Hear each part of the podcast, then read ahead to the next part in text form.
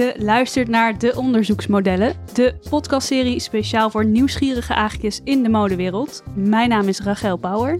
En mijn naam is Maaike Klaassen. Opgeteld werken we ruim 25 jaar in de modewereld en onderweg zijn we talloze vragen, dilemma's, vooroordelen en gekke situaties tegengekomen. En die gaan we samen met jullie en vandaag met orthopedagoog Manon Kruidenier afpellen, analyseren, inspecteren en ontrafelen.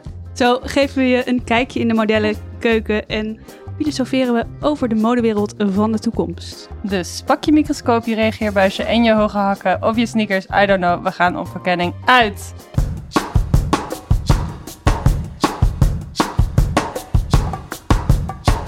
Welkom, welkom Manon in de allerwarmste studio die je ooit hebt meegemaakt, denk ik. En De misschien eerste de eerste, de eerste podcaststudio. Ik ben nog nooit in een studio geweest. Het is mijn eerste Oh. media eh, Want misschien de luisteraars denken, wie is deze Manon? Wat voor model is dat? Nou jongens, ze is geen model, ze is orthopedagoog, maar first and foremost is ze een van mijn beste vriendinnen. Ehm, en wij kennen elkaar van de middelbare school, hè? Ja, Al 13 klopt. jaartjes? Ja, 14, zoiets. 15 jaar? Misschien wel langer. Ja, ik weet het ook niet. En ook zolang ik Maaike ken, ken ik ook via die weg Manon. Ja, maar eigenlijk, Ik, ik Oh, zie wel, ook elkaar nog nooit hadden elkaar. gezien. Nee, Eén keer. via Instagram alleen. in ieder geval, Manon is dus een van mijn beste vriendinnetjes.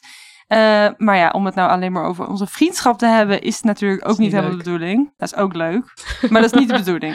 Dus Manon, go ahead. Who are you? Ja, ehm, nou, ik zal gewoon even vertellen wat ik voor werk doe, want eh, daar, daarom ben ik hier natuurlijk een beetje. Ehm, ik werk als orthopedagoog en dat betekent dat ik werk met kinderen en jongeren waarbij eh, sprake is van ehm, problemen in de opvoeding en ontwikkeling. Ehm, en ik heb dus kennis van de manier, nou, waar, op welke manier de omgeving daarop van invloed kan zijn. En concreet werk ik dan met kinderen die bijvoorbeeld ADHD hebben, of autisme, of ehm traumaklachten, of bijvoorbeeld verwikkeld zijn in een moeilijke echtscheiding van ouders en daardoor tegen problemen aanlopen. Ja, en vond het fijn om jou uit te nodigen, omdat je als model vaak vroeg begint. Ja. In een tijd dat je nog heel erg in ontwikkeling bent. En dan al echt in een, in een wereld terechtkomt nou, die helemaal nieuw voor je is en die heel veel van je vraagt. Ja, Dus we zijn heel benieuwd hoe daar, zeg maar, wat voor invloed dat op jou heeft. ja en Als- ook mijn herinnering is dat Manon een van de enigen was die mij een beetje in de gaten hield. Zat er al vroeg in. Zat er al vroeg Ja, in, eh die eh, orthopedagoog. Nou, ik had een kritische blik, denk ik. Ik weet niet, ik hield je niet per se in de gaten, maar nee, ik had denk je ik een kritische blik. Maar je was de enige in mijn omgeving die een kritische blik had. Dat Ja. ik wel echt. Ja. Dus dat vind ik ook wel En hoe bijzonder. reageerde de rest? Dat was gewoon allemaal halleluja. Die vond het allemaal leuk en aardig. En Ja. ja. vooral niet leuk en aardig. Halleluja. Ja. Dat het heel bijzonder en Ja. eh, dat we alles moesten doen. eh, Ja. Hè? Kost Ja, ja, wat kost dat soort wel. van. Ja. Maar ja, daar gaan we het over hebben.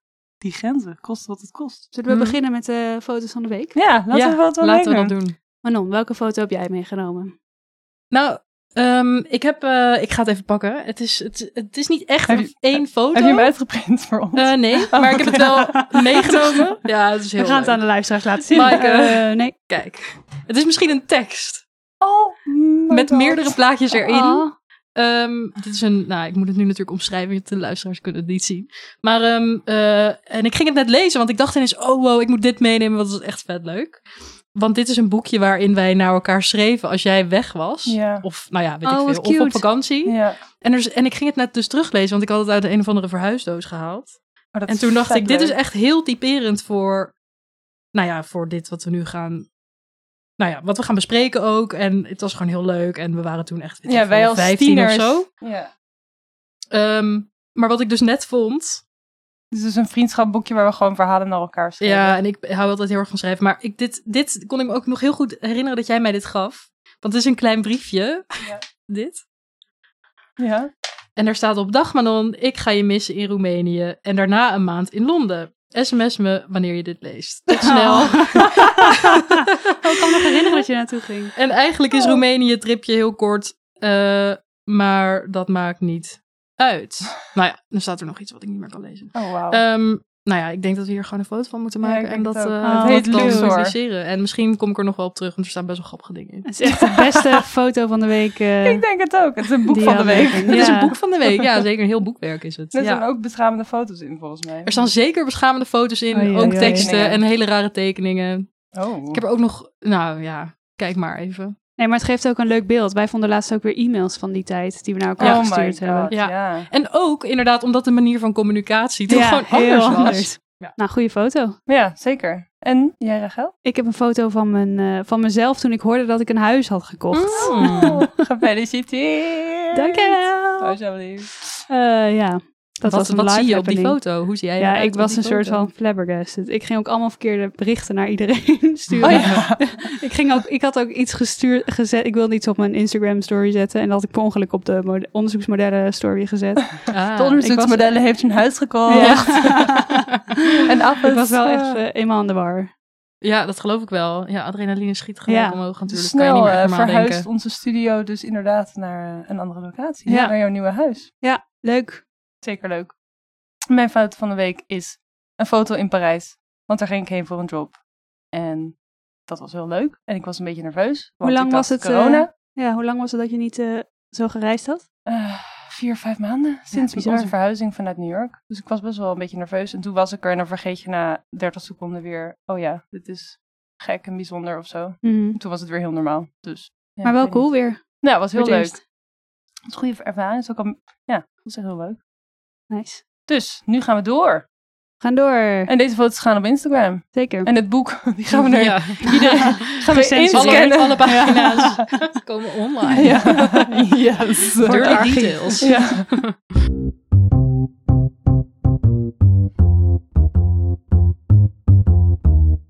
Ja, vandaag gaan we het hebben over het antwoord op een vraag die ik van een collega kreeg, van Geneviève, een collega waar ik heel direct mee werk.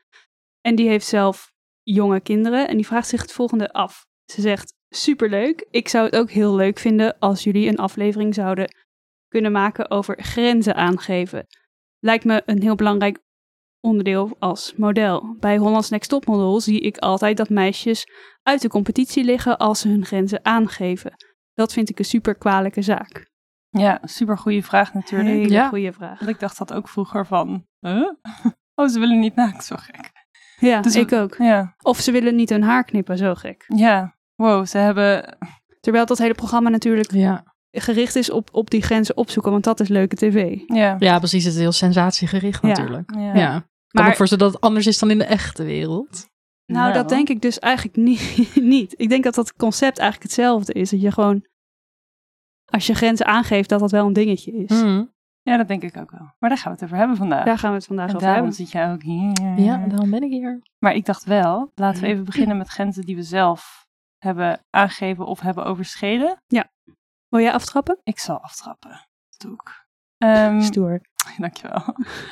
nou, ik moest gelijk denken aan eh, mijn eerste job waarvoor ik betaald kreeg. Dat was voor Mhm. 10 feet. Dat was toen best wel Oh cool. ja, ja, ja. ja. Kennen jullie dat? Ja, Ja, dat ken ik ook nog dat wel. was heel cool Ja. toen jongen. Ja, toen was ik 13 zou ik zeggen. Volgens mij was het de eerste keer dat ik betaald kreeg voor een job. En ehm, ja, die vroegen toen of ik topless op de foto wilde. Met jeans aan en dan zeg maar mijn borsten bedekt. Het was wel heel stijlvol gedaan.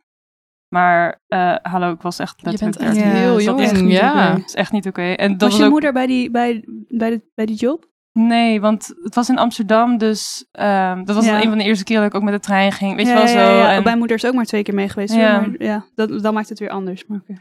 Ja, maar het was ook niet. Ja, nu ga ik hun, eh, hoe heet het, excuses geven. Maar ja, het was dus niet seksueel op die manier. Maar ja, als Ja, kind maar stil, natuurlijk. Ja, gaat maar je bent echt nog jong. Maar op welke manier wordt dat dan aan je gevraagd? Gewoon per, per mail of aan de telefoon van hallo? Oh, dat zou je hopen. nee, nee. Hoe gaat dat dan? Je, ik, we waren al de hele dag mama supreme, Ja, zeg ja, maar. ja. Dus je het gaat zo, je bouwt zeg maar, je wil heel erg goed je best doen. En je bent heel Ja. zenuwachtig voor zo'n dag. Ja. Zeker als je begint. De Ja. eerste jaren ben je gewoon zenuwachtig ervoor. Ja. En dan werk je dus en dan bouw je een beetje een band op. En dan Ja. is het zo van, oh ja, maar we zouden het ook tof vinden als. En iedereen weet Ja. donders goed dat het een ding is. ja. Ja. Maar het wordt gewoon altijd gevraagd op het moment zelf. En meestal begin je ook met hetzelfde setje, maar dan wel met, met een ja, kledingstuk. dat is heel vaak hoe het gaat. Ja, en dan ook, maar kun je deze misschien... Oh nee, dit staat toch niet, doe eens Ja. uit. En ja, dan, de foto werkt niet op deze manier, Ja, maar het zal mm, wel werken als jij je top uitdoet. Dat zeg maar het zeg maar, eerst wordt het de sfeer een beetje... mm, Eigenlijk dat je ook echt ge- Ja. bijna geen keus Nou, hebt, ja, want je, toch? je hebt al iets opgebouwd. Dit was ook aan het einde van de dag. Dus Ja, de hele ja, dag is goed gegaan. Ja, en dan aan het einde denk, dan wordt die vraag gesteld. En dan denk je, ja, nu kan ik al geen nee meer zeggen. Nee. Want dan gaat iedereen met Ja. de vieze Ja, bek in hun mond, nee, vieze smaak in de mond Nee, naar ja, huis. Ja, ja, ja. ja, want dan verpest je het voor de rest van de dag. En voor voor de iedereen die zo hard heeft gewerkt mm, voor mij, met mij. Zo voelt dat. Terwijl Ja, natuurlijk... het, is ook een beetje expres hoor, want het is ook, er, er wordt zo'n sfeer van, oh, dit gaat niet goed, dit gaat niet goed. Dan voel je aan iedereen, mm, dit is hem niet, zeg maar, het beeld. Dat, dat hangt altijd dan in de Mm. lucht. En dan is er dus een oplossing. En dan moet jij degene zijn Ja. die zeggen, nee, nou, sorry, maar als 13-jarige, jij zegt Ja. nooit nee. Nee, Ja. natuurlijk niet. Nee. En die oplossing ligt Nee. dan alleen in jouw handen. Ik bedoel, je werkt met een creatief team, die zouden ook een andere oplossing moeten Ja. kunnen vinden. Maar heel vaak als het antwoord dan... Ik, ik, het voelde niet alsof ik een keuze had. nee, bij natuurlijk. mij ook niet bij dit soort dingen. Maar nu gaan we naar... Dus wacht even, want hier heb Oh. je dus geen grens. Dit heb je gedaan Ja, uiteindelijk, dit toch? heb ik Ja, gedaan. hoe ging dat dan? Eh, ik weet nog dat ik daarna mijn moeder belde en toen zei ik, ik heb iets gedaan en ik weet niet... Oh, Ja, het voelde alsof ik het moest opbiechten of Ja. zo. oh ja. Want, ik vond, want, vond, want omdat Maar- ik wist dat het niet oké Maar was. dat is toch al niet zo goed? Zeg maar dat je aan jezelf voelt van, oké, dit, is, dit, dit moet ik aan iemand vertellen, Ja. zeg maar. Ja. het was meer echt aan mijn moeder opbiechten. Zo Oh, van, ja. ik heb iets, alsof ik soort van stiekem alcohol had getrokken. ja, Weet je ja, wel? zo klinkt het dan Zo- inderdaad. zo ik heb iets stiekems het. gedaan. Ja. Maar dan, dat maar wel zegt zei, al genoeg. Dat Ja. is echt een vo- volledige grens over. Ja. Maar nu gaan we eventjes naar Maaike, waar ik wel mijn grens heb aangegeven. Eh, Flash forward. flash forward naar 2017, denk ik. Toen Ja. deed ik een job, een grote Ja. fotograaf. En die is all about naked women. Ehm, Ja. En toen, ik wist al dat als ik die job had, eh, dat ik die job had gekregen, wist ik al, dit gaat een ding worden als ik deze job aanneem. eh, moet ik in ieder geval oké zijn met topless. Niemand had het tegen mij gezegd, maar ik wist dat dat Ja, je kent haar zijn. Want ik werk. ken haar Ja. werk. Maar nu ook weer natuurlijk. Het is niet mijn verantwoordelijkheid dat ik dat weet. Dat moet natuurlijk ook iemand aan mij vragen. Wil jij topless? De hele shoot was letterlijk alleen stringetjes en laarzen. Ja. Mhm. ja, ja, echt. Zeg maar, er Ja. was wel kleding ergens, maar ik heb het, ik heb het niet, Niet op jouw lichaam. Niet op mijn lichaam. Dus ik wist van tevoren, oké, dit wordt een, dit, dit gaat topless. En zeg maar, met deze fotograaf vind ik dat oké. Mhm. Ehm, en toen was ik op die job en toen zat ik, we waren in de woestijn ergens en eh, ik zat op een, in een karretje, een, een boodschappenkarretje, die helemaal verroest was. En ik had dus alleen een stringetje aan. Klinkt niet heel comfortabel. Nee, het was Oh, nee. zeker niet comfortabel. Er waren ook zeg maar allemaal eh, truckdrivers in, eh, die stilstonden naast de weg, Mm. weet je wel. Die waren aan het kijken. Te want er waren- kijken. Oh, ja. Er waren twee naakte vrouwen die Ja. aan het rondrennen. Ja. En ze hadden ook dingen in vuur gezet en zo. Niet die truckdrivers, maar opzet. dus het was wel heel tof om te zien. Zij vroeg toen of ik ehm, mijn stringetje uit wil doen. En toen zei ik nee. Ik vond het ook gewoon onhygiënisch. Met, dat, Oh, met die ja, roest. zeker. En ik vond het gewoon... Ik dacht, Ja. ja, nee. Ehm, Maar ook, wat voegt het precies toe dan? Ik zei, oh, zou je dat niet kunnen... Ja, ze zei, eh, can you take your tang off? Of zo, can you take your underwear off? Gewoon heel Mm, direct. Ja. Ehm, en toen zei ik, no, can't you Photoshop it? Want ze was ook vrij ver weg. Ehm, en toen zei ze, no, because I'm shooting film. Maar ze was geen film aan het schieten. En dan, kan je zou, en dan zou je nog steeds kunnen photoshoppen. Ja, precies. Ja. Dat kan gewoon prima. In ieder geval. Maar wat ging er toen door jou heen? Toen nou, ze ik, zo ik reageerde? werd gelijk om zo, oh, is there another way? Ik, ik moet zeggen, omdat ik, er, ik wist al waar ik een beetje in ging. Dus ik had ook wel deze grens voor mezelf gesteld van tevoren. Van, oké, ik ga hier nee op zeggen als Ja. dit mij Ja. wordt gevraagd. Eh, en toen kwam er dus een hair, een hair of make-up artist naar me toe van, oh, good for you, good for you. That, that, that you said no. Want ook, je zit, je zit in een karretje en je wordt van alle kanten gefotografeerd. Dat is echt niet oké. Nee. En er staan ook gewoon allemaal mensen op set en zo. Maar ik vond het ook wel heftig, de reactie van iemand anders die zei, good for you. Alsof het echt, echt een big deal was dat ik nee had gezegd. ja, maar ja, Ja, zij is een jij hele bent echt- grote fotograaf. Ja, maar ja. Maar hoe ging het dan daarna Ja, verder? Want cool. je had nee gezegd en zij zei eigenlijk van nee, want ik kan het niet photoshoppen. Ja. Ja, daarna En ging toen? het gewoon verder. En ik voelde me daar natuurlijk schuldig. Maar ja, ik Ja. ging niet opeens weer mijn string uitdoen. Dus ja, Nou, je hebt, Dat het, het was was het. wel gewoon duidelijk, dus wat Ja, je, je was hebt gewoon een duidelijk. duidelijke nee gegeven. ja. En had je het gevoel dat je moest overcompenseren daarna? ja, ik heb denk ik wel beter mijn best gedaan. Ja, dat herken ik ook, dat gevoel. Ja. Als je Ja. dan wel een grens Of aangeeft, je dan aardiger, denkt, Of Ja. oh ja, ja, precies. wil niet oh, dan, bitch zijn. oh, dan, ga ik, Nee. dan ga ik niet zeiken als het twee uur uitlo uitloop nee, hebben. Nee, of kan als ik je niet helemaal mis. lekker eh, relaxed dan nog in dat winkelkarretje zit. ja. Nee, maar dat is dus, dan ga je extra, Ja. Ja. ga je extra goed Ja. meedoen en extra enthousiast. Ja, dat staat ook nergens op.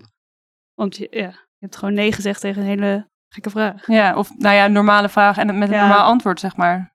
Ja, oh ja, sowieso, ja. Ja, Ja, prima, ja. Ja, nou. Ja. Dus dat was mijn eh, eh, voorbeeld met grenzen en ervaring. Ja, Het komt wel vaak terug, naaktheid in eh, modellenwerk. maar ik zat hierover te denken en ik denk dat er bij elke job is er eigenlijk wel een soort van momentje dat je denkt, oh, ga ik dit zeggen of niet? Ja, Ja. Er is bijna geen job waarbij je dat niet hebt. Nee, want ik kan me voorstellen dat het op eh, een heleboel manieren zeg maar intiem is. Ja. En niet per se qua naaktheid, maar ook Ja. op een heel ander soort gebied. Ja, dus ik, eh, ik zat na te denken over een voorbeeld. Nou, ik kan echt heel veel voorbeelden geven. je En had het een hele lijst opgeschreven. ja, ik heb een hele lijst opgeschreven, maar het is ook niet altijd slecht. Snap je? Het is een soort Nee. van, en daar denk ik dat het goed is om vandaag ook over te hebben, dat je, je hebt grenzen waar je niet overheen wil, maar je Ja. hebt ook out of your comfort zone, wat Ja.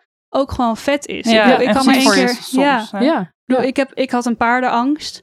Ik heb heel toevallig drie keer met paarden moeten schieten. Ik, had, ik moest ook altijd op ze rijden zonder een zadel. Somehow. Wauw, oké. En- En zeg maar, ja, dat was wel vet uiteindelijk. Ja. Weet je wel? Dat is ook, dat was echt out of my comfort Ja, zone. daar Ja. je wel een kick van dan. En natuurlijk was het een grens, maar ook weer niet. Maar dat was Hmm. niet echt erg. En met wist je van tevoren dat je op een paard moest ga- Nee. Oh, dat wist je niet? Nee, ja, of dat je de call sheet krijgt omdat je ziet een manege, dan denk je al, nou, weet je wel. Waarschijnlijk met paarden. Er is een kans dat hier een paard Ehm, tevoorschijn komt. Maar ook een keer met honden, weet je. Ik had toen, Oh, ja. ik heb nu, mijn moeder heeft een pup, maar Hmm. ik had daarvoor helemaal niks met honden. Nou, ik moest Ja. dus tien foto's met honden en dan ook vastpakken en zo. Dat je Ja. denkt, eh, Ja, maar ik kan ook wel voorstellen dat er een verschil is tussen zeg maar je eigen, een soort van je eigen lichamelijke grenzen en grenzen van iets wat je spannend vindt om Ja, te, te doen ja. Wat Ja. buiten jouw Want dat lichaam is een om is van of de, zo. Ja, ja, en dat dat, is een van, dat vind ik dus bijvoorbeeld het voorbeeld van Mike is een hele duidelijke grens, Ja. wat echt over jezelf gaat en je veilig voelen Ja. of Ja. veilig zijn Ja. eigenlijk. En je eigen lichaam en je eigen gewoon well-being. En ja. het leuke aan modellenwerk is dat je heel veel situaties terechtkomt die je anders nooit had meegemaakt. Ja, dus En daar moet je dan ook leren te navigeren hoe dat... eh, Ja, dus soms is het een beetje zoeken voor jezelf. Is het echt een grens of niet? Als ik gelijk nee Mhm. had gezegd bij die drie paardenshoots, dan was ik dus drie keer teruggevlogen naar Nederland. Ja. Zonder, ik dan, ja, dus en het was uiteindelijk ook niet echt erg. Ben je nog bang voor paarden? Nee, nee, want ik had het dus de laatste keer was echt heel fijn. En dan- toen merkte ik echt dat je een klik kunt hebben met paarden, wat Ja. ze heel slim zijn. Ja. En dat ook hoe verschillend was weer elke keer een ander paard. Dus dan hoe verschillend ze ook op jou reageren, Hmm. was heel vet. Oké, cool. dus mooi. dat, is een, dat was een grens, maar dat is gewoon groeien uiteindelijk. Ja. ja, precies. Een mooie Ja. ervaring wordt, Ja. is het dan uiteindelijk. Maar ik heb nog wel echt heel veel grenzen die wel fysiek zijn. Bijvoorbeeld dat het heel koud was. Ja. En dat zeg je dan... Iedereen zegt het wel eens. Zo van, oh ja, ik heb het koud. En natuurlijk zegt de crew ook wel eens van... Hé, hey, weet je wel, eh, gaat het wel? Of hier is een dekentje. Ja. Maar alsnog heb ik wel een paar keer meegemaakt dat het echt heel erg koud was.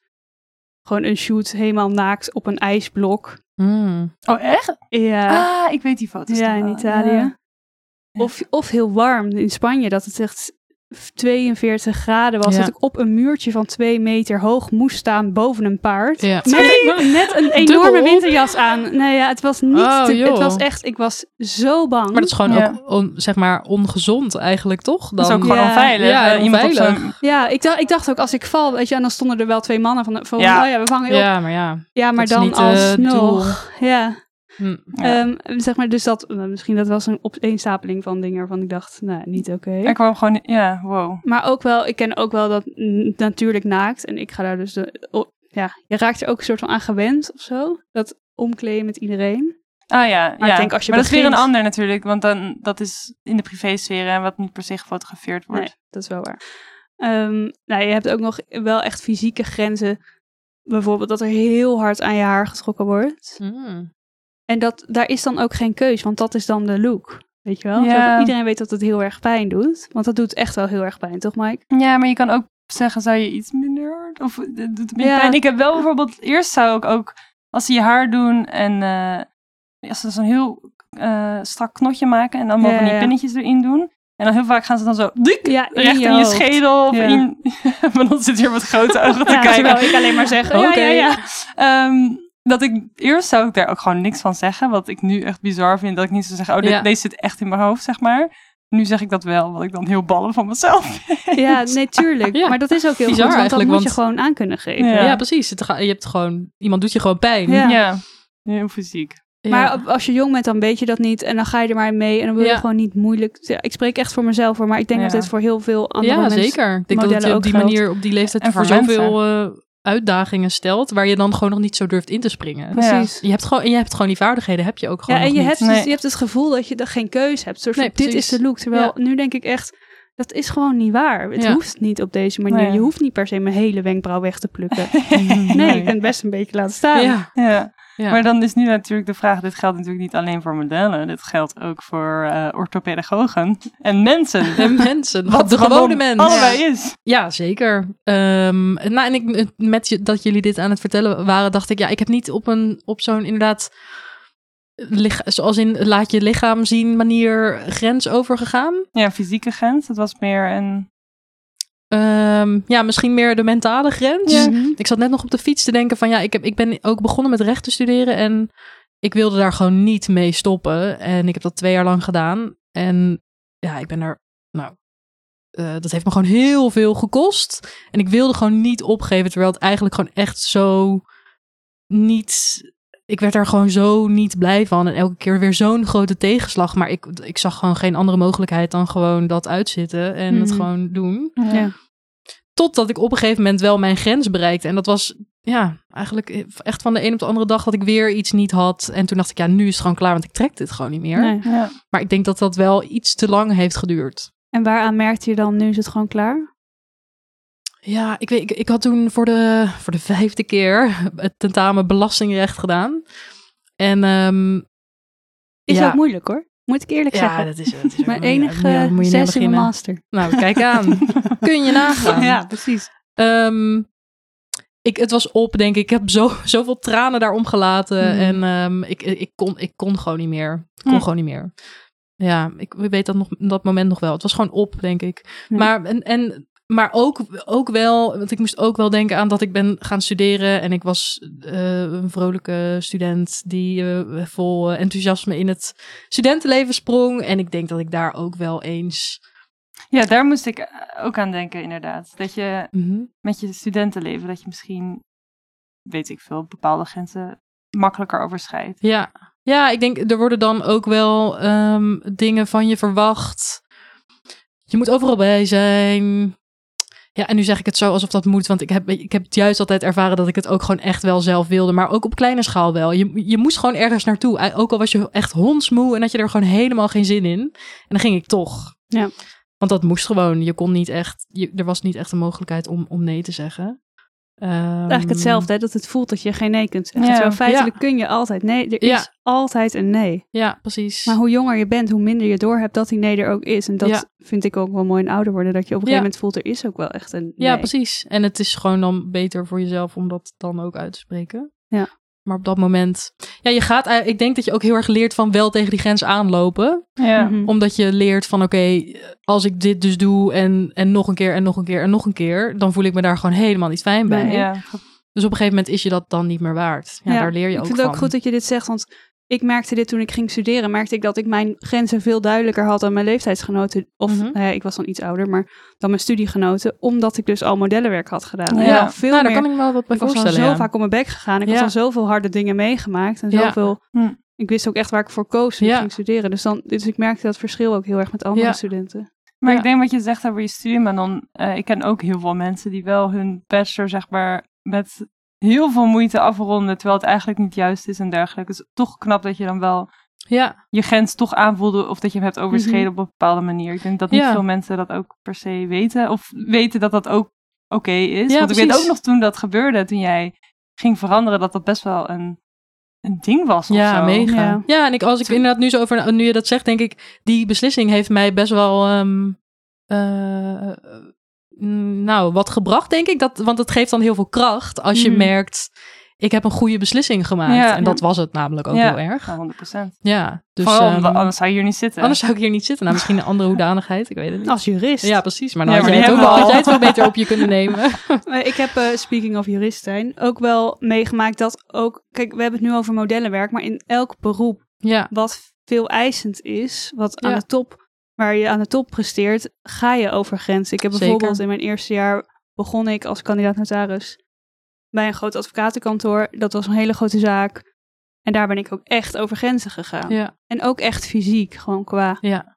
qua. En dat er zit dan in een flow. Dus dat is iets heel, een heel ander soort dynamiek, een heel ander soort setting dan modellenwerk. Ja. Waar is het met vreemden en misschien Ja. heel ander, op ander vlak, maar ook over grenzen. Dus het is grenzen, het gaat ook niet per se over modellenwerk. Al vind ik wel dat mo- met modellenwerk heb je met zulke jonge ja klopt. personen te maken. Ja.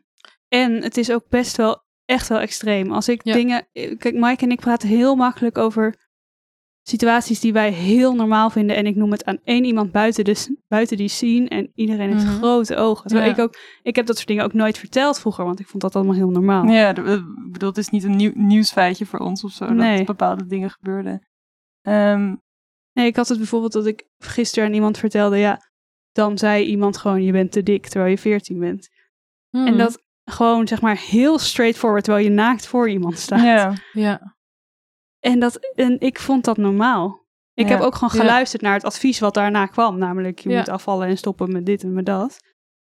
Maar, ja, maar dat is wel iets wat je, wat je meeneemt. Ja, ik weet het ook nog steeds. Ja, precies. tien, twee, ja, 15 Je vindt het misschien wel normaal dat dat tegen je gezegd wordt op dat moment in die setting. Alleen, ehm, ja, de, de tekst, de boodschap blijft hetzelfde, denk ik. En Ja. dat, dat, dat, de- ik kan me voorstellen dat je dat wel op een bepaalde manier internaliseert en Ja. meeneemt. ja. Ja. Nee, Ja. maar ik zit ook na te denken, het, ene, het voordeel aan modellenwerk is wel dat je iedere dag weer je grenzen, je hebt weer een kans om je grenzen aan te geven, omdat je iedere dag weer met andere Ja. mensen werkt. Ja. Daar zit ik wel over na te denken, dat misschien dan ook in je, Nou, ja. ja of niet? Nee, nou, ik, vind, ik vind dat dus juist zo'n gevaarlijk element. Omdat je met elke dag met andere mensen... ben je Ah. elke dag weer Ja. afhankelijk van... Ja. Ik moet vandaag weer bewijzen, binnen acht uur... dat ik waar, het waard ben om, ben om nog een keer geboekt te worden. Ja, Dus je bent elke dag weer vol alles aan het geven. En in die zaak, die ik, ik heb acht maanden met hetzelfde team gewerkt. Ja, zeg maar op een gegeven moment ben ik, ik ben dat heel goed gaan. Ja, dus Ja. dan leer je met elkaar werken Ja. en leer je ook elkaar opvangen en leer je elkaars grenzen stellen. Ja. En dat is bijvoorbeeld nu op de Zuidas is daar heel veel coaching en begeleiding bij. Terwijl Ja. als model doe je alles zelf. ja. Is dat iets wat je toen ook zo hebt ervaren op dat moment? Dat je dacht, wow, ik moet me elke dag weer Nee, zo opstellen? echt Of is dat echt als je nu terugkijkt dat je denkt, hindsight. jeetje. Ja, ik dacht op een gegeven moment, waar heb ik geleerd om zo snel met mensen een band op te bouwen? Dacht ik, oh ja, maar je werkt elke dag met iemand anders. Dus dat, dat is echt Ja. een skill. Dus het is heel Ja. moois eigenlijk. Dat je Ja, heel snel connectie aanpassingsvermogen. maakt. Ja, en heel snel kijkt, oh, met wie, wie zit ik? Oh ja, mensen zitten het aan mijn hoofd. Dus weet je, je wordt ook heel vertrouwd. Ja, Dus dat, en daaruit voel je het ook voort dat je denkt, oh ja, maar wat komt er nog meer kijken met, bij zo'n dynamiek van elke dag weer een ander team? Nee, zo interessant wat je zegt, want juist inderdaad in die periode, eh, eh, ook in de ontwikkeling van je brein, als je op dat moment ben je telkens aan het aanpassen en ja, aan het shiften naar, oké, wat, wat wil die en wat is zijn reactie, hoe ga ik daarop reageren? En dat, als je dat op, in die periode van je, van je ontwikkeling ehm, eh, zo gewend bent te doen, dan neem je dat inderdaad mee naar de rest van je leven. Dus dat, dat, dat ga je dan gewoon van nature doen. Ja. Altijd. Echt zoveel invloed. Dat realiseer ik me echt nu pas sinds we de podcast maken. Ja. Dat dat zoveel invloed Ja. heeft. Dus ik herken dat ook wel heel erg. Ja. Dat je Nou ook ja. heel ma- ik noemde dat dan vroeger makkelijk. Ik, oh, ik ben heel makkelijk. Ja. wel? ik ben professioneel, want ik ben heel nee, makkelijk. Ja, Nee, ja, ik laat gewoon heel snel over mijn grens gaan. ja. Ik laat Ja, je bent, je bent je constant aan het aanpassen eigenlijk. Je, bent, je, je moet heel flexibel zijn, Ja. denk ik. Ja. Maar is het dan ook zo dat, ehm, want dat weet ik natuurlijk niet, maar meisjes die minder flexibel zijn, want het verschilt natuurlijk ook van hoe je zeg maar je eigen genen in elkaar zitten en maar ook je, wat je uit je achtergrond meeneemt, dus wat je van je ouders leert. Dat verschilt ook per persoon. Maar is Ja. het dan zo dat, ehm, ja, meisjes die daar wat minder flexibel in zijn van nature, dan ook Mm, minder lang meegaan? nou ja, Zeg ik denk dat er één, één heel groot aspect is dat er heel veel aanbod is aan, mij, aan modellen Ja. en heel weinig vraag. Er is Ja. niet genoeg werk om iedereen te, te voorzien, let's say. Nee. Dus je wil het goed doen. Ja. Dus er is echt een heel erg strijd om die, om die, ba- om die jobs eigenlijk, elke dag. Ja. ja, om die job nog een keer te krijgen, I Ja. guess, als je op set bent. En om Maar- een goede indruk te maken. Dus Ja, dat is wel een, ex, een hele sterke factor daarin. Ja. En ik, ik denk nu, als ik nu kijk in 2020, denk ik nee, als je je grens aangeeft, word je juist gewaardeerd. Ik heb ook mijn grens beter aangegeven Ja. toen ik 24 was. Dus daar word je nog ge- geboekt. Maar, zo, maar dat voelde ik totaal niet zo toen ik jong was en op de middelbare school modellenwerk deed. Ja, ik zit er ook over na te denken, want ik denk wel, ik denk dat er wel een kern van waarheid in zit. eh, dat, Mhm. dat je minder snel mee wordt genomen misschien in andere projecten als je wat ja, ik wilde nu zeggen moeilijk, maar dat bedoel ik dus totaal niet. Ja, Dan maar gaat nu het we mis, het als hè? iets positiefs. Ja, precies. Ja, Ja, nu- ja. nu- Ja. maar dat zeg ik dan. Maar ik bedoel, als je je grenzen aangeeft. Het hangt er natuurlijk ook vanaf. Ik ken modellen die, die ehm, ja, ik zeg grenzen aangeven, maar die gewoon veel zeuren. Mhm. Dat is natuurlijk ook weer iets anders Ja. buiten je grenzen aangeven. Dus daar zit natuurlijk ook weer een verschil in. Ik weet wel, eh, modellen die heel veel zeuren, ja, dan ga je, Ja. dan ben je echt oud. Ja. Ja. Maar grenzen aangeven, ja, maar daar hadden wij het dan over, Manon, jij en ik deze week. Dat misschien is het oké dan dat je, de, dat je niet mee wordt genomen naar een tweede job, waar ze dan weer gaan vragen of je naakt wil en je wil dat niet doen. En je wil dat de eerste keer al niet doen. Dat is dan misschien oké. Dus misschien Ja. werk je alleen maar juist meer met de mensen die meer binnen jouw grenzen Oh, werken ja, en bij jou zeker. passen. Ja, want dat verschilt gewoon sowieso van persoon tot Ja. persoon waar je grenzen überhaupt liggen. Maar dit Ja. is wel echt iets wat, wat wij nu kunnen zeggen, omdat we veel ouder zijn en Ja. veel meer ervaring hebben. En ja, dat denk ik ook. hoe je het voelt als je jonger bent en begint, en vooral in die eerste jaren, is wel, oh, ik moet zoveel mogelijk mee Ja. in de flow. En ik denk op, bijvoorbeeld eh, mee op een reisje of zo. Ja. Ja. d- dan word je alleen maar als je, quote-unquote, makkelijk bent, Ja, word je daar meegenomen. Want je zit twee weken met elkaar in een camper. Ja, weet je wel, het is... Ja. Ehm, dus zo voelt het voelt, ja, de druk om te zeggen, om gewoon maar mee te gaan met wat er gevraagd wordt van je. Op alle vlakken, in werktijden, in energie, in nou ja, lich- lichamelijk, dus naakt of Ja. ja. dieren aanraken, dat soort dingen.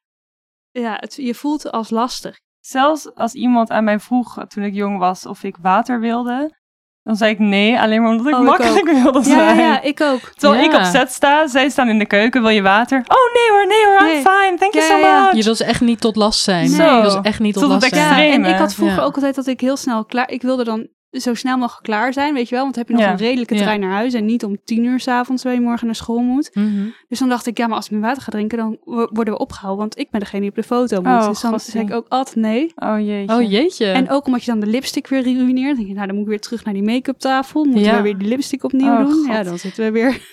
zijn er Nou zoveel ja, drempels. En op dat moment denk je van, oké, ik zeg gewoon nee, want dan gaat dit en dat sneller. En eh, morgen moet ik naar school. Maar nu denk je waarschijnlijk, oké, ik zei gewoon nee, terwijl ik misschien wel heel erg dorst had. En, ja. En dat vind ik Ehm, vooral nu interessant. En ik denk dat het ook fijn is dat je er daarom bent, Manon. Omdat je al die kleine keren dat je nee hebt gezegd ja, tegen je lichaam. Terwijl je lichaam zei dorst.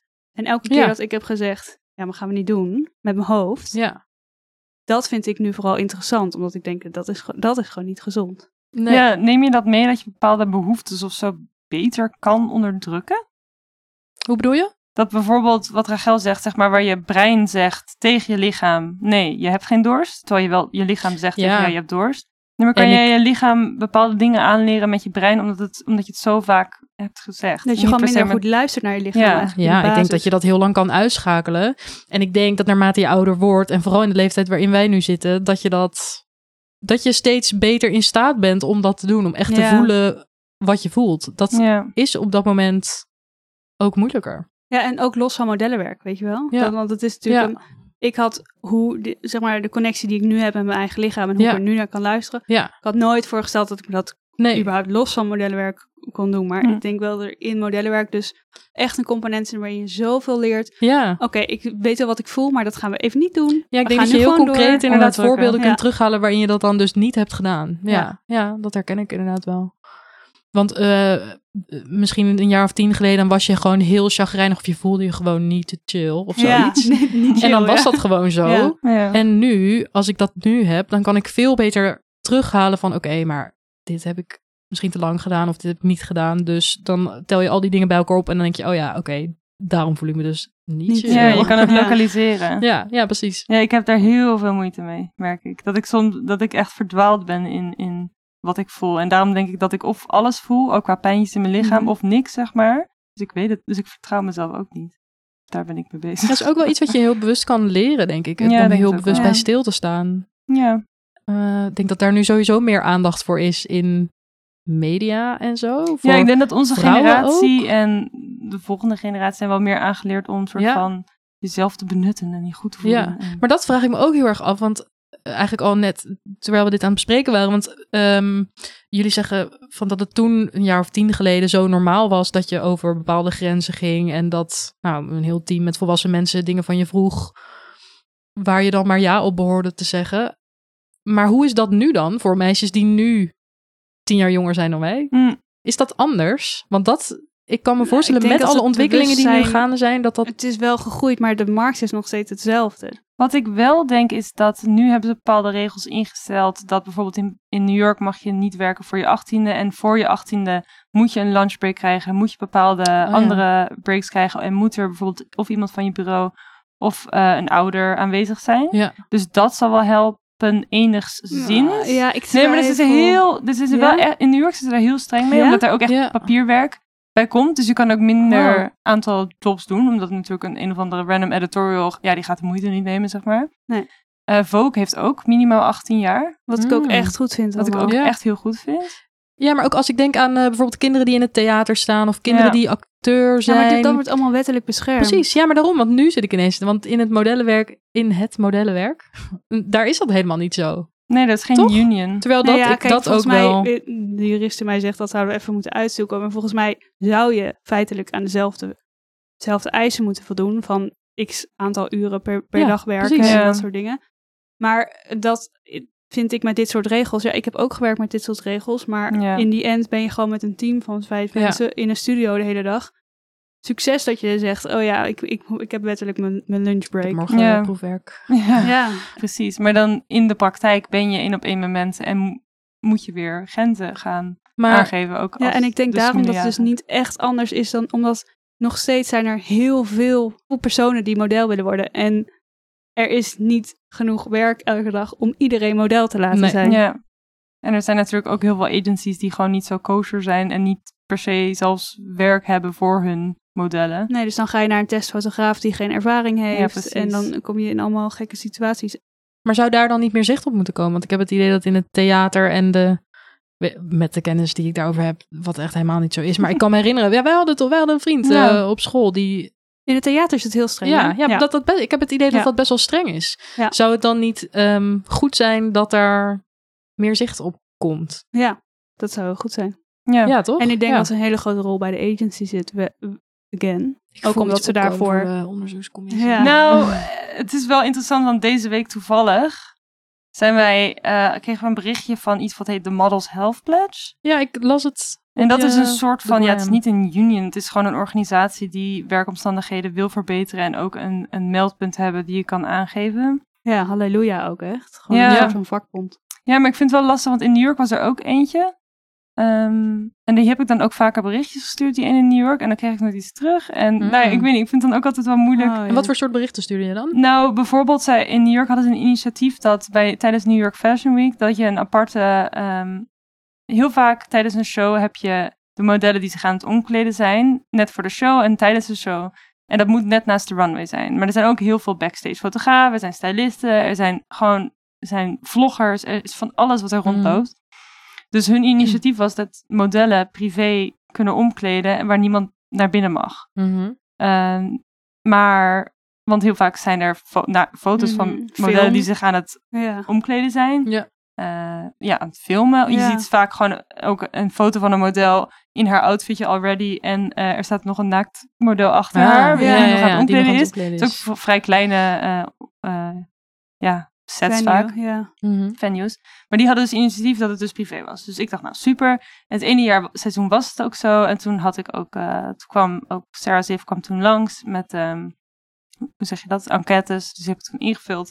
Maar het seizoen erop was het niet zo. Hmm. En toen moest je zelf gaan re- requesten om privé om te kleden in een eenpersoonskamer. Ja, en dan gaat het Mm. weer mis. Ja, Ja, want dan sorry, denk je dat ga ik nou- niet doen. Want dan moet je weer actief anders zijn dan de rest. Ja. Terwijl je al blij bent dat je een show hebt geboekt. Ja, Ja. Dan, dan moet ik weer, Ja. dan moet ik de diva gaan spelen om Ja. zeg maar privacy te hebben. Ja, hallo. En die Terwijl- was dan ook helemaal aan de achterkant van de venue. En tijdens een show Ja. moet je je heel snel Ja. omkleden tussen de show. Dus dat, is niet, dat kan niet eens, zeg Dus maar. er zitten heel weinig voordelen aan. Ja, dus dan ga je dus- dat niet doen. Ik had haar een bericht gestuurd, of nou haar, ik had die organisatie een bericht gestuurd van, oh, just so you know, at Spring Studios is dan de venue waar alle shows voor Ja. New York, eh, of een deel van de shows worden gehost. Ehm, en daar hoorde ik dan niks op terug. En dan, dan verdwijnt ook dat weer van het, de hele agenda, omdat het een soort van geregeld was. Voor één Ja. seizoen verdwijnt het dan weer van Ja. de agenda. Maar ja, dit is één voorbeeld. Ik heb natuurlijk geen idee wat de Models Health Pledge, zeg maar. Ze hebben dus 13 punten die ze willen verbeteren binnen de industrie. Mm. Geen idee waar dat heen gaat of hoe Maar ik dat vind gaat. het goed dat het in ieder geval Ja. wordt aangekaart. Ja, zeker. Ik Ja, denk dat we dit allemaal zien.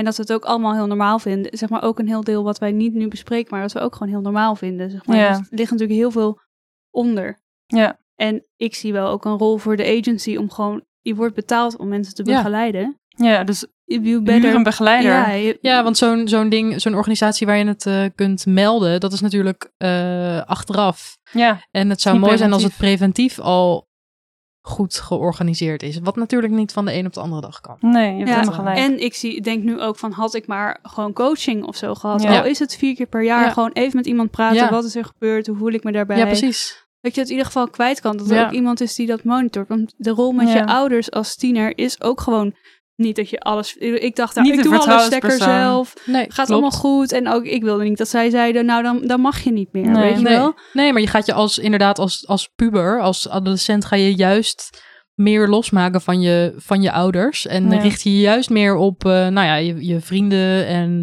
nou ja, deze omgeving is natuurlijk niet heel standaard. De, de omgeving waar je in models werkt, dan werkt. Ehm, maar daar ga je dan ook mee verbinden. Want je wil, daar, je wil dat gewoon heel Ja. goed opbouwen dan. Ja. Ehm, Dus ik zei, ik zei alles wat ik zeg maar elke keer dat ik een grens overgegaan ben. Het is echt zelden dat ik daar met iemand over gepraat heb. Ja, ik ook niet, denk ik. En ook het echt Of heel... wij, ja precies, of dat echt, echt een hele, echt heel extreem was. Maar Ja. bijvoorbeeld, wij maakten er wel eens grapjes over of zo, weet je wel. Ja, sowieso. Maar dan van, oh ja, dat heb ik ook meegemaakt. Ja. ja. ja, weet je. maar is dat dan misschien dat je het toen ook niet zo ervaarde? Nee, ik En dat je eigenlijk nu nee, pas want je denkt, wil jeetje. gewoon goed, je, weet je wel, je Ja. wil gewoon model worden. ja, je denkt gewoon job well done. Ja, En, precies. Oh, ik, heb niet ge- ik heb geen water gedronken. Nee. Top. Ja, ik heb het Ja. goed gedaan. Goed, ik heb mijn behoeftes uitgesteld. Ja. eh, voor die andere mensen alles. Ja, ja precies. En ja. achteraf denk je, oh, arme ik. Ja. En nu zijn we ook meer bezig met bewust keuzes maken. In, in ieder geval in het stadium waar ik zit in mijn Ja. leven. Ik denk wij alle drie een beetje. Mhm. Ehm, en dan merk ik wel dat het daar heel vaak toch, toch een beetje mis is gegaan. Zeg maar Ja, dat ik daar nu, nu last van heb. Daar heb ik geen profijt uitgehaald om telkens mijn grenzen te laten weg hebben. Nee, en ik vind het ook, dat vind ik ook wel mooi, dat we nu in een leeftijd komen, bijvoorbeeld nu met, ik ga ook wel eens naar een coach. Dan hebben we het daar ook gewoon over van wat zijn de gevolgen daarvan voor mij nu en wat heb ik al Ja. gerealiseerd een paar jaar geleden en heb ik al echt wel achter me gelaten en wat zit er nog echt in mij en Ja. in mijn beslissingsproces en in mijn hoofd en in gewoon de dingen Ja. die ik, hoe ik dingen zie. En waar, eh, zeg maar, wat wil ik graag meenemen en wat niet. Ja. En Manon, weet jij hoe, je, hoe maak je een beslissing? Ja, wat zijn de factoren in een beslissing maken? Ja, precies. Jullie hebben me ook gevraagd inderdaad hoe je, hoe, ze, hoe je grenzen stelt en beslissingen dan maakt. Eh, maar dat heeft natuurlijk te maken met echt, ja, dat heeft gewoon met een heleboel dingen te maken. Nou, waaronder de omgeving waar je in leeft. Eh, dus wat krijg je mee van je ouders? Heb je van jongs af aan al geleerd dat het normaal is om je grens te stellen? Zie je het in je omgeving gebeuren? Eh, want dat maakt ook dat je ziet dat dat, Ja. nou, dat, dat normaal is. En dat jij dat ook, dat het eigenlijk een mogelijkheid is. Ja, en dat vind ik ook. Sorry, je mag zo verder met je lijstje. Ja. Maar dat vind ik ook heel interessant. Want ik weet, als je dan bij een job was en iemand anders zei: Ik heb het koud, dit ga ik niet Ja. doen. Dan dacht je: Yes. Ja, I win. Ja, Heel precies. slecht. Nou ja, Maar- ik kan me voorstellen dat je ja. eerst niet eens denkt van eh, dat dat een mogelijk en al helemaal niet in die leeftijd, want je gaat gewoon voor, nou ja, ehm, voordelen op korte termijn. Ja. Je, je voelt, hè, je, eh, je bent in die, in die leeftijd ook heel erg op, je, op jezelf gericht. Mhm. Eh, dus jij moet ook, nou ja, doen wat, wat je denkt dat anderen van je willen. Dus Ja. daar ga je van uit. En dat is echt typisch voor die tienertijd, toch? Want ik kan Ja. me niet herinneren dat ik dat heel erg als kind had, bijvoorbeeld. Nee, klopt. Nou ja, en op een gegeven moment, eigenlijk gaat die ontwikkeling van je hersenen gaat ongeveer door tot je een jaar of eh 25 bent. Stopt ook Oh, niet in misschien dat we daarom nu allemaal aan het nadenken zijn over onze Nou ja, ik was het aan het voorbereiden. Toen dacht ik, ja, ik ben hier wel heel erg mee bezig nu. Ja. Ik merk dat ik Mhm. dit nu beter kan. En ik wil er ook niet een heel technisch verhaal van maken van hoe je brein dan werkt. Oh, maar... Mag hoor. nou, niet te technisch, dat kan Ja. ik niet. Laten we het even testen. Oké, Ja, ja. ik, ga wel, ik gooi er even een mooie term in. Nee, je, je hersenen bestaan, eh, die bestaan uit een heleboel zenuwcellen, neuronen. En die staan allemaal in verbinding met elkaar.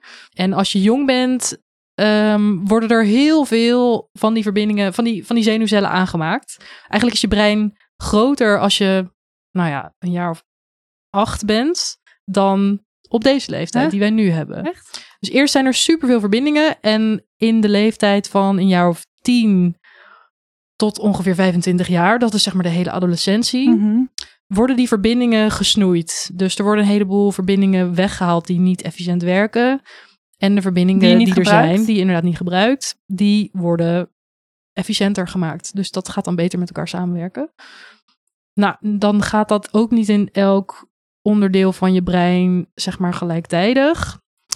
En het onderdeel van je brein dat als laatst ontwikkelt, dat zit aan de voorkant van je hersenen. Dat is Mhm. de prefrontale cortex. Mhm. Ehm, en daar ontwikkelen je executieve functies. En dat zijn dingen die het zeg maar, mogelijk maken om ja, complexe vaardigheden, nou ja, vaardigheden die complex zijn, dat je die kunt, kunt doen. Dus de vaardigheid om eh, bepaalde dingen tegen elkaar af te wegen, Hm. plannen en organiseren. Kritisch denken, ook het vermogen om je te verplaatsen in een ander. Hè, van wat vindt iemand anders en dat neem ik ook mee in mijn beslissing of Hm. de grens die ik stel. Ja. Ehm, Dus dat ontwikkelt zich het laatst. Dus ja, rond dat- welke leeftijd is het dan? Rond eh, de leeftijd van zeg maar midden twintig Ah, oké. is dat klaar. Ja. Maar sommige is onderzoeken dus zeggen precies- ja, ook dat het pas aan het einde van, je, van, de twintig, eh, van dat je twintig bent, dus tegen de dertig aan, dat het nog tot dan doorontwikkelt. Oh, wauw. Maar dan heb ik nog invloed. Ja, dan Chill. kunnen nog Ja, beetjes je hebt nog even. Ja. Nee, maar als je inderdaad nu denkt, als, je, als, je terug, als ik ook terugkijk naar eh, tien jaar geleden, dan, dan maak je beslissingen waarvan je de lange termijn gevolgen nog niet zo goed kunt overzien. Nee. En nu kan je dat veel beter. Maar dat vind ik, dat heb ik ook opgeschreven. Dat, dat vond ik juist ook. Dat is denk ik juist het mooie van modellenwerk doen in die periode van je leven. Eigenlijk, je, je brein is nog niet helemaal rijp. Mhm. Ehm, en aan de ene kant ben je daardoor heel kwetsbaar, want je bent, ja, je bent heel erg bezig met je eigen zelfbeeld. Je bent bezig om je eigen identiteit te ontwikkelen. Eh, je kunt je risico's nog niet zo goed inschatten. Dus nou ja, daardoor ben je gewoon meer kwetsbaar. Mhm. Aan de andere kant maakt dat ook dat je nog heel flexibel bent. Ja. Je, je, je brein is nog heel, heel nou, flexibel, dus je kunt je heel erg makkelijk aanpassen. En dat merk ik ook wel echt. Ik ben ook Ja. echt heel dankbaar dat je het hebt. Want, Ja. want zeg maar dat out of your comfort. Ja, je gaat heel veel out of your comfort zone. Precies. En je leert heel veel. Zeg maar, ik had Hm. nooit de ontwikkeling door kunnen maken die... Zeg maar, ik had nooit kunnen staan waar ik nu sta. Als ik dat allemaal niet had geleerd. En Ja. ook divers... Ze heeft ook inderdaad hele positieve kanten. Ja, dat denk ik ook. Want het is denk ik juist de, de omdat je brein zich dus zo vormt. eh, je leert in die, in die omstandigheden denk ik heel erg om zelfstandig te zijn, wat je, wat je net ook al noemde. En nou, ook al veel eerder om dus nou, je, je grenzen verkennen. Mhm. Ook al ga je er misschien wel overheen. Je leert denk ik wel eerder ja, je nou, kent ze. ja, je weet misschien wel eerder waar ze liggen. Dus is het misschien juist wel de ideale leeftijd om je, nou ja, je creatieve brein te ontwikkelen en te Ja. stimuleren ook. Dus dat is, En je maakt ook zoveel mee. Je komt een hele creatieve ja, wereld eigenlijk. Hè? Je werkt met heel veel Ja. creatieve mensen. Je maakt echt dingen met elkaar. ja. Dat is ook echt positieve, positive side. Ja, want als Ja. ik dan dus eh, teruglees in het boekje, dat ik wel grappig. In Want dat is een soort van het beeld wat ik dan heb. Ik ben hier aan het schrijven naar Maaike, terwijl je op reis bent. Dan ben je een maand in, weet ik veel, Roemenië en dan naar Londen en Milaan. Roemenië klinkt zo Ja. raar als het. Het was drie dagen voor Urban Outfitters. Ja, met die foto's in de, met zo'n mutsje in de, Ja, in de bergen. Ja. Ja, oh ja, ik, er staat hier ook... ehm, ik kan me echt niet voorstellen dat, dat jij de hele wereld al afreist, man. Such an independent woman. Haha. Op dat Oh. gebied ben ik vergeleken met jou echt een baby. Oh. Op mentaal gebied ben ik natuurlijk al een heel stuk ouder dan jij. Knipoog. En dan staat, Oh, wat er, dan staat er daarna... eh, You'll never believe what I'm doing. Sims 2 installeren. Jawel. maar dit zie ik echt voor me. verschil. Dat jij, ik, jij was dan in zo'n herfstvakantie, was je een week in Milaan aan het werk. Eh, en ik zat, ik zat letterlijk gewoon de hele week eh, Sims 2 te spelen. Ja. Ja, dan kon voor ik dan- iemand zorgen bij Sims. Ja, je wel precies. persoon Ja, heb ik zorgen. ook heel veel dingen ontwikkeld. Ja, maar het zeker is echt zo'n mooi voorbeeld. Ik ben blij dat je het meegenomen Ja, dus ik vond het die Heel tof. Ja, Dit is precies waar het om gaat. Maar je wordt gewoon als kind in een grote mensenwereld Ja, gesleurd. precies. En je leert daar heel veel. ja. Ja. En je bent nog niet helemaal doorontwikkeld. Dus je, gaat, oh, je doet ook heel veel dingen waarvan Ja. je denkt... Nou, had het wel zo, was het wel zo handig. Ja, maar ik vind het ook wel interessant als je dit dan zegt. Ik voelde mij niet zo. In dat moment voelde het niet als een Nee. big deal om dat te doen. Nee, precies. Nee, maar het feit Ja. dat jij alleen op een vliegtuig bent gestapt... is al heel veel Ja. leren. Ja, Ja. Dat is, zeg maar, voor alle andere scholieren was dat Ja. gewoon niet aan de orde. Ja. nee. Het feit dat jij alleen naar Amsterdam, naar, naar Europa gaat om daar even een rondje te draaien in Ja. je huiskleurige string, Ja. dat is al Ja. zoveel leren. Maar en dat is Ja, het ja, leuke aan die periode van je, van je, eh, van je ontwikkeling. ehm, dat je dus nog niet in staat bent om te denken: oké, ik ga in mijn eentje naar weet ik veel waar. Dat is best wel spannend. Ik ken de stad niet. Dan moet ik daar, weet ik veel, met het OV. Eh, ik zie duizend beren op de weg. Want die zie je dan helemaal niet. dus je doet, het, gewoon. Ja. Dus dat, Dat bedoel ik, dat, dat, is vond heel leuk. Ja, Ja, want ik dacht ja. niet van dit is een big deal, dit doe ik of zo. Nee. Er was echt geen consequentie aan verbonden. Nee, precies. En dat is het mooie, want dan ga je gewoon. Ja. En ik, ja, ik vind dat nu ook eh, nog heel spannend. Hm. Ja. Maar goed, het heeft ook Nu weer te maken met je achtergrond. Wat Ja. heb je geleerd Nee, van maar huis uit? Misschien zegt dit dat mijn eh prefrontale cortex wat minder ontwikkeld was, omdat eh, ik dacht niet aan al die consequenties. En toen de tijd was jij er wel mee bezig van, wow, big deal dat Maaike dat doet en dergelijke. Als tiener doe je het gewoon. Ja, precies. En dan denk je alleen maar, en maar, maar dus achteraf denk je, oh ja, maar je moest wel op tijd komen Ja. en Ja. de route. En het was niet zo Ja. makkelijk. Mijn communicatie was niet zo makkelijk. Nee. Nee. Ehm, de, de Google Maps bestond niet. nee. Boekjes. Ja, je hebt dan boekjes en dan schreef je het op of print je het uit. Oh, van wauw. 9292. ja. Ehm, maar achteraf denk je, oh ja, maar dat waren allemaal skills die je heel snel moeten ontwikkelen. Maar ook Die ik gewoon- nu al even over dus na zou moeten denken als ik dan opeens een kaartenboek voor Ja, hoe zou werkt hebben, dat ook weer? wel? Nee, maar je, dat, daar leer je echt superveel van Ja. hoor. Ja, nee, dat is, dat is echt wel heel waardevol, denk ik.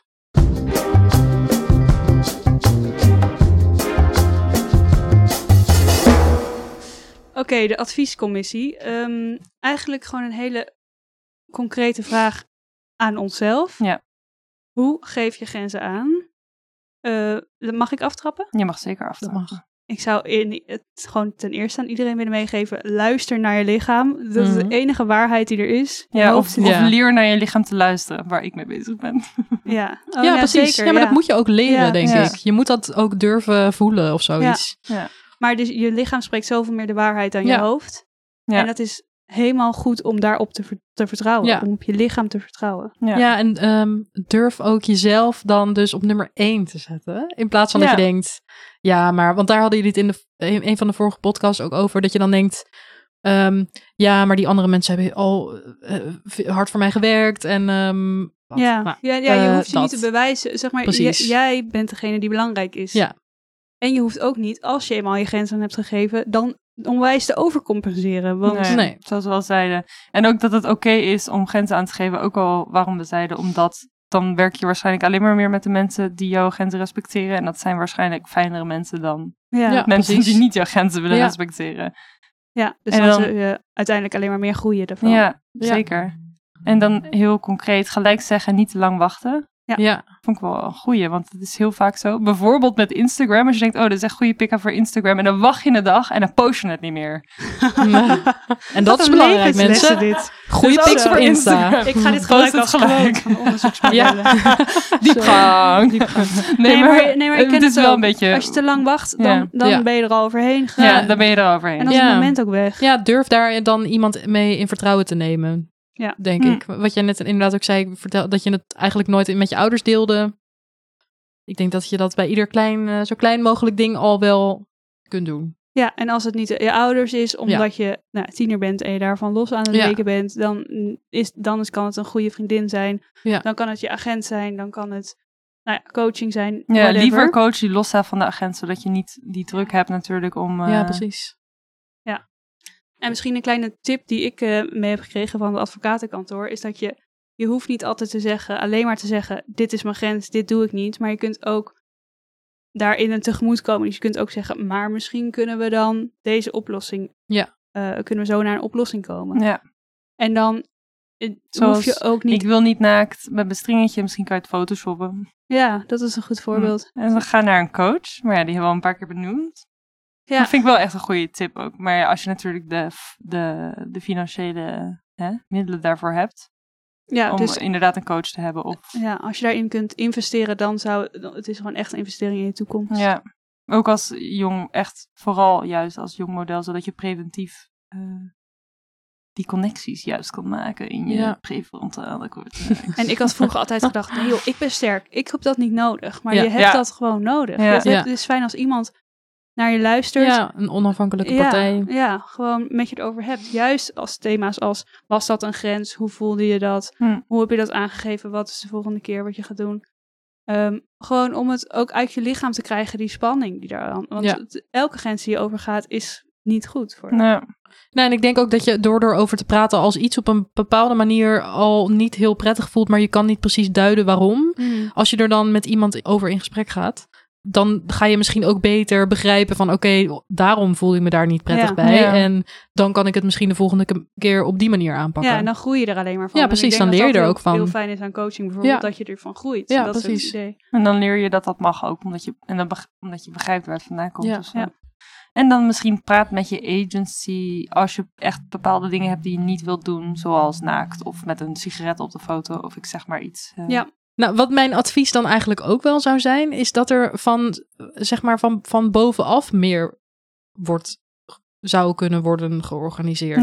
Ja. Als in eh, regels en, en eh, een soort van tax op hoeveel iemand werkt of bepaalde, nou ja, ik weet het niet, zoals in het theater en, en Ik heb nog filmwereld. eh, Ja. gedacht om eh, fashion law de org Ja. te studeren. Ja, ik zeggen, dat is toch een hele mooie Aan Columbia combinatie. is een, eh, is een master daarin. volgens Ah. mij. Oh, wow. en die gaat daar hier dus deels over. Die gaat over IE en Ja, eigendomsrechten, nou, auteursrechten, want dat, dat, soort zit, dingen. dat maar heeft ook er natuurlijk onwijs veel mee te maken. Ja. Ja, en als je zegt bovenaf, ik dacht dat je ging naar agencies, want daar zie ik ook nog wel een rol. Want Ja. ze leggen nu alles bij modellen zelf. Ja. Maar goede begeleiding, als Ja. je een goed model wil kweken, wil maken en behouden, dan moet je Ja. zorgen dat ze niet alleen maar er goed uitziet, maar ook gewoon mentaal Ja, fit. ja, op het toppen presteert. Ja. Hij of zij. Ja, ik Ja. moest ook weer denken aan de Models Health Pledge, wat ik net zei. Die hebben dus ook eh, bedrijven die bij hun zijn ingeschreven of, of ambas- ambassadeur zijn geworden. Dus dat zij die 13 pledges uitvoeren, die Hmm. dan de Models Health Pledge voor staat.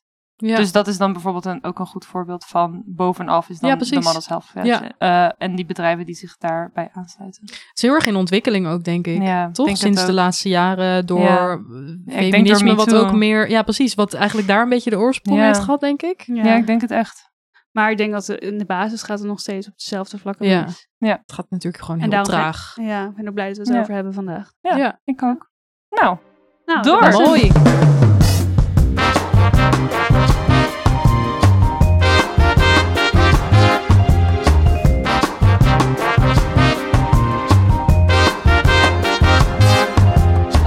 Wat hebben we vandaag geleerd, Manon?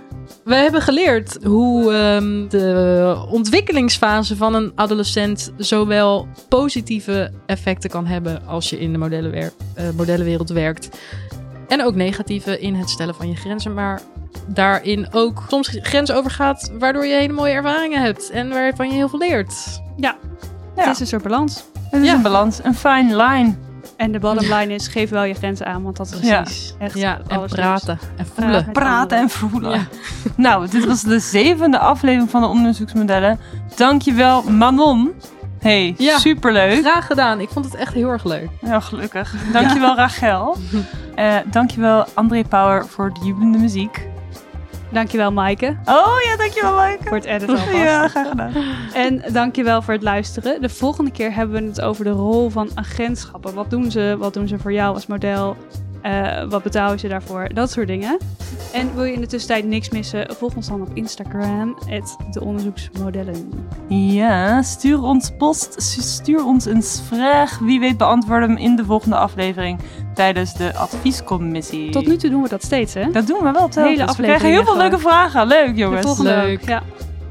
Ehm, ja, en abonneer je. Abonneer. Oh, en als je een Oh. review wil invullen, graag. Like Dus je en kunt- subscribe. Maar je en kunt like dan, en in Apple kun je en die sterretjes aantikken en iets schrijven. En dat vinden we leuk. Die geschreven zijn Ah. leuk hè? ja, heel leuk.